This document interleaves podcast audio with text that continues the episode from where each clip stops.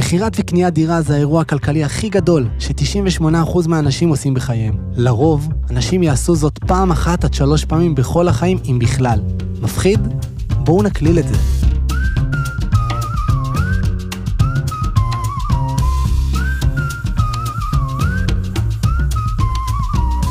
שמי עמית, בעלים של משרד תיווך תל אביבי קבוצת עמית טל.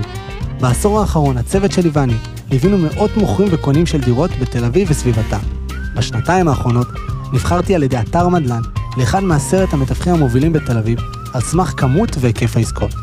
אני פה כדי לחלוק איתכם מהניסיון האישי שלי, מה בתכלס נכון או לא נכון, בכל הקשור לנושא המרתק הזה.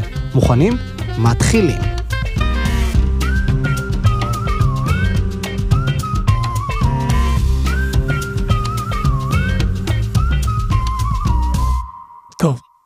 אז היום אני רוצה לגעת בנושא מעט רגיש. להמון המון המון קונים, פחות רגיש למוכרים כי הם לא בהכרח uh, מבינים אותו, אבל הם בעצם נקלעים לסיטואציה שאני בתור מתווך מנסה להנגיש להם אותה עוד לפני שהם יוצרים קשר עם עורך הדין, הרבה פעמים זה מה שקורה, ולהסביר להם את זה עד כמה שאפשר מהכובע שלי בתור מתווך. אז בתל אביב יש בעצם לא מעט צורות רישום לבית.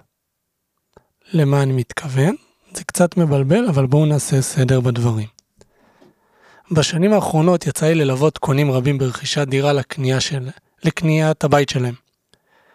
אחד הדברים הבולטים ביותר שנתקלתי בו זו החשיבות של הקונים לרכוש דירה אשר רשומה בטאבו פרטי ברישום בית משותף. כלומר, שנעשתה פרצלציה לבית.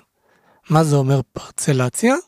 זה בעצם אומר חלוקה של הדירות, שלכל דירה יש, נקרא לזה במרכאות, כתובת. לכל דירה יש שם משפחה ששייכת אך רק לה, אוקיי? כאשר לקוחות מדברים איתי על נושא שהם רוצים לקנות דירה שרשומה בטאבו, הם לא בהכרח מבינים מה הם מתכוונים, כי יש כל מיני סוגים של רישומים, זה יכול להיות גם כן בטאבו וגם בקק"ל וגם בחברת מנהלת, ושזה יהיה על שמם, שזה לא יהיה על שמם, ובאמת שיש בזה סלט מאוד גדול. עכשיו, לפני שאתייחס לתשובה איך זה אמור להיראות, אני כן אזכיר שאני עורך דין. יחד עם זאת, למען הסר ספק, אין לי שום כוונה לתת פה ייעוץ משפטי, וכל מה שנאמר פה הוא המלצה מניסיוני בתור מתווך בלבד, ולכן אני ממליץ חד משמעית להיעזר בשירותי עורך דין בעת רכישת דירה או מכירתה. אני מרגיש שהורדתי את הקוף, לא תגידו לא ידעתם, ועכשיו אפשר להמשיך. את התשובה שלי אני אחלק לשלושה סעיפים שונים, אוקיי? א', אני אגע בצורות הרישום בתל אביב, ב', אני אדרג מה הכי טוב לקנות מנקודת מבטי בלבד, כמובן, וג', אני אגע שוב פעם כמה זה חשוב או לא חשוב בעת רכישת הדירה, לדעתי. אז אני מתחיל. צורות רישום. בואו ניגע שנייה בצורת הרישום שנקראת טאבו פרטי. במקרה הזה נתייחס אליו כרישום בית משותף. מצב של בית משותף מדבר לרוב על בניין שעבר פרצלציה, נרשם כבית משותף, חולק בין כל בעלי הדירות. נוכל לזהות אותו לפי נסח הטאבה שלו, שיופיעו בו שלושת הדברים הבאים גוש, שזה בעצם האזור של הבניין, חלקה, זה מספר הבניין, ותת חלקה, מספר הדירה. כלומר, אם תורידו איזשהו נסח טאבו שרשום כבית משותף, של טאבו פרטי, אתם תראו את שלושת המאפיינים האלה, גוש, חלקה, והתת חלקה תופיע בהמשך. זה האופציה הראשונה. אופציה שנייה זה קק"ל. מצב שבו הדירה היא בבעלות פרטית, כביכול, אבל הבעלות מתבצעת על ידי חכירה של הדירה מקק"ל. כלומר, האדמה בתכלס שייכת לקק"ל, קרן קיימת לישראל, שדרך אגב, בפעם האחרונה שאני בדקתי 93% מכל השטחים במדינת ישראל שייכים לקק"ל, כלומר רק 7% הם באמת טאבו פרטי. החכירה היא ל-99 או 999 שנים קדימה. כאשר צריך לשלם איזשהו סכום על מנת להוון את הדבר הזה כדי שיהיה שלך. בפועל, הלכה למעשה, הדירה באמת שייכת לך, אתה חי בשנים קדימה. וגם כן בקק"ל, הרבה פעמים, רוב הפעמים, לפחות שאני נתקלתי בהם, עדיין נעשה רישום בית משותף. אבל כאילו האדמה היא לא בבעלות פרטית תכלס, כי אתה חוכר אותה מה, מהקרן. האופציה השלישית היא מושה עם הסכם שיתוף. מה זה בעצם מושה, המילה המפחידה הזאתי, שדרך אגב כותבים אותה עם עין, כי הרבה אנשים נוטים להתבלבל?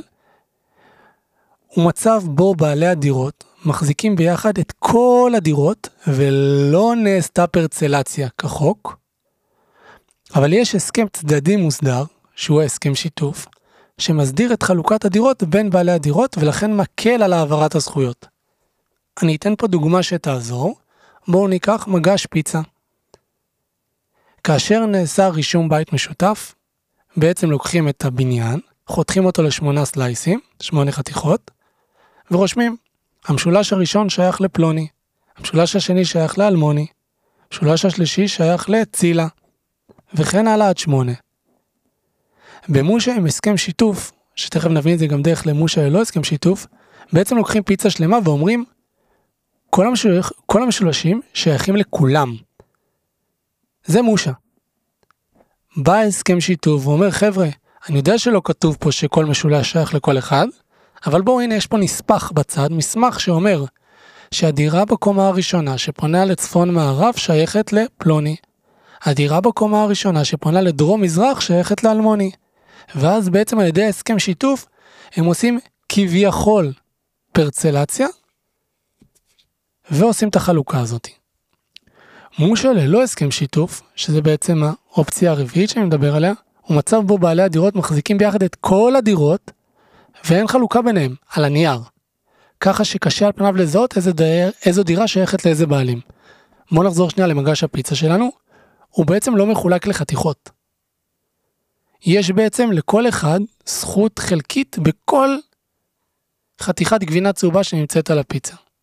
ולכן אם בן אדם עכשיו רוצה לבוא ולקנות את הדירה שלך אלמוני, ואתה אומר לו הנה אני גר בקומה הראשונה, כיוון צפון מערב, לחזית. בא הבנק אומר חבר בוא שנייה בוא תוכיח לי שהדירה שלך ואתה לא יכול להוכיח לו את זה. ולכן אמרו שללא הסכם שיתוף זה מצב שהוא קצת בעייתי. אני חושב שזה נושא ששווה גם לדון בו אולי בפרק שלם בהזדמנות, ואולי נעשה כן בהמשך. האופציה האחרונה שאני אדבר עליה היא בעצם חברת מניות. אה, זו שיטת רישום שנעשתה בעבר, אם אני לא טועה, בשנות ה-50, על ידי בעלי הדירות כדי לחסוך במיסים. הייתה איזה, נקרא לזה במרכאות, קומבינה יהודית, להעביר את רישום הבניין על חברה ולחסוך במיסים. היום העובדה הזו משמשת לרועץ עבור בעלי הדירות, כיוון שחלק מהחברות אינן פעילות עוד, ולעיתים הדבר מקשה על העברת זכויות. סתם ניקח חברה שנפתחה בשנות ה-60 ולא שילמו את האגרה שלה, אגרת חברות שצריך לשלם כל שנה, היום זה נע בין 1,000 ל-2,000 שקלים, תחשבו 50 שנה אחורה איזה חוב היא צברה. ואז יום אחד בן אדם רוצה למכור את הדירה בבניין, הוא אומר חבר, יש פה חוב לחברה? יש חוב לחברה? 50 אלף שקל, מה עושים? צריך לאגד את כל בעלי הדירות, להחיות את החברה, למצוא את מי שמנהל, תדריק את היושב ראש החברה. זה לא פשוט. יכול להיות שבמסגרת הפרק שנעשה על מול שהיה לו הסכם שיתוף, ניגע וניכנס גם לחברת מניות, כי שתיהן לפעמים יכולות להיות עסקאות מאוד מאוד מורכבות. אז אחרי שנגעתי עכשיו בחמש אופציות, אני רוצה לעבור לדרג אותן. כשאני מדרג אותן, אני רוצה לדרג אותן כמו שאני הייתי רוצה לקנות אותן, ולכן, אם אני הייתי רוכש דירה, הייתי רוצה לרכוש אותה לפי הסדר הבא. כמובן שכל מקרה לגופו. 1. טאבו פרטי נקי, רישום בית משותף. צורת הרישום הטובה ביותר שכרגע קיימת. 2. קק"ל. צורת רישום מצוינת שלרוב אין איתה שום בעיות, כל עוד כמובן רשומה גם כן כבית משותף. ועדיף עם חכירה ל-999 שנה מאשר 99 שנה, עדיף שכבר עשו היוון ולא צריך להוון. אופציה שלישית זה מושה עם הסכם שיתוף. לא מושלם, יחד עם זאת לא בהכרח יש איתו בעיה. אופציה רביעית זה חברת מניות. חברת מניות עלולה להיות ארוכה, אוקיי, התהליך, סליחה, עלול להיות ארוך, אבל לרוב הוא יהיה פתיר, במיוחד אם היא חברת מניות חיה וקיימת, ולא מחוקה או לא פעילה. ואופציה האחרונה שהייתי רוצה להתעסק איתה, זה מושה ללא הסכם שיתוף. לרוב הדבר יהווה בעיה ויקשה על העסקה בקבלת משכנתה, ולכן יוריד את ערך הנכס בתור מוכר, ובתור קונה יעורר הרבה ספקות ורצונות לקנות. עכשיו, אני רוצה לדון בחשיבות, זו הנקודה האחרונה. החשיבות ברכישת דירה בטאו פרטי לטעמי, היא לא בהכרח הדבר הכי חשוב. כמובן שכולם רוצים שהכל יהיה כמה שיותר קל וכמה שיותר חלק.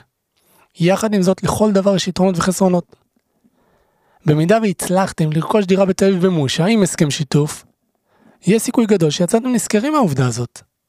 כי בתכלס הורידו לכם במחיר, פתאום הורידו 5-7 אחוז, אבל בפועל הדירה היא שלכם בדיוק באותה מידה כמו ברישום בית משותף. לכן, אני תמיד ממליץ ללקוחותיי, להסתכל על כל מקרה לגופו ולא לקבל החלטה חד משמעית למה כן ולמה לא עוד לפני שהבנו את העסקה. כי הכל יכול להיות. אתם רוצים לרכוש דירה בתל אביב, אתם רוצים למכור דירה בתל אביב, לא בטוחים לגבי צורת הרישום או השלכותיה. למשרד שלנו ניסיון של עשרות שנים במצטבר. כבר עברנו, עברנו וחווינו מאות סיטואציות של רישומים ובעיות רישום. פתרנו והצלחנו לעבור את המכשולים. כמו כן, אציין כמו בתחילת הפרק, במשרד שלנו יש מספר עורכי דין שמלווים ועוזרים למי שלא מכיר או לא זכה לפגוש עורך דין מיומן שעשה עשרות עסקאות, ככה שנוכל תמיד לתת מענה בעת הצורך.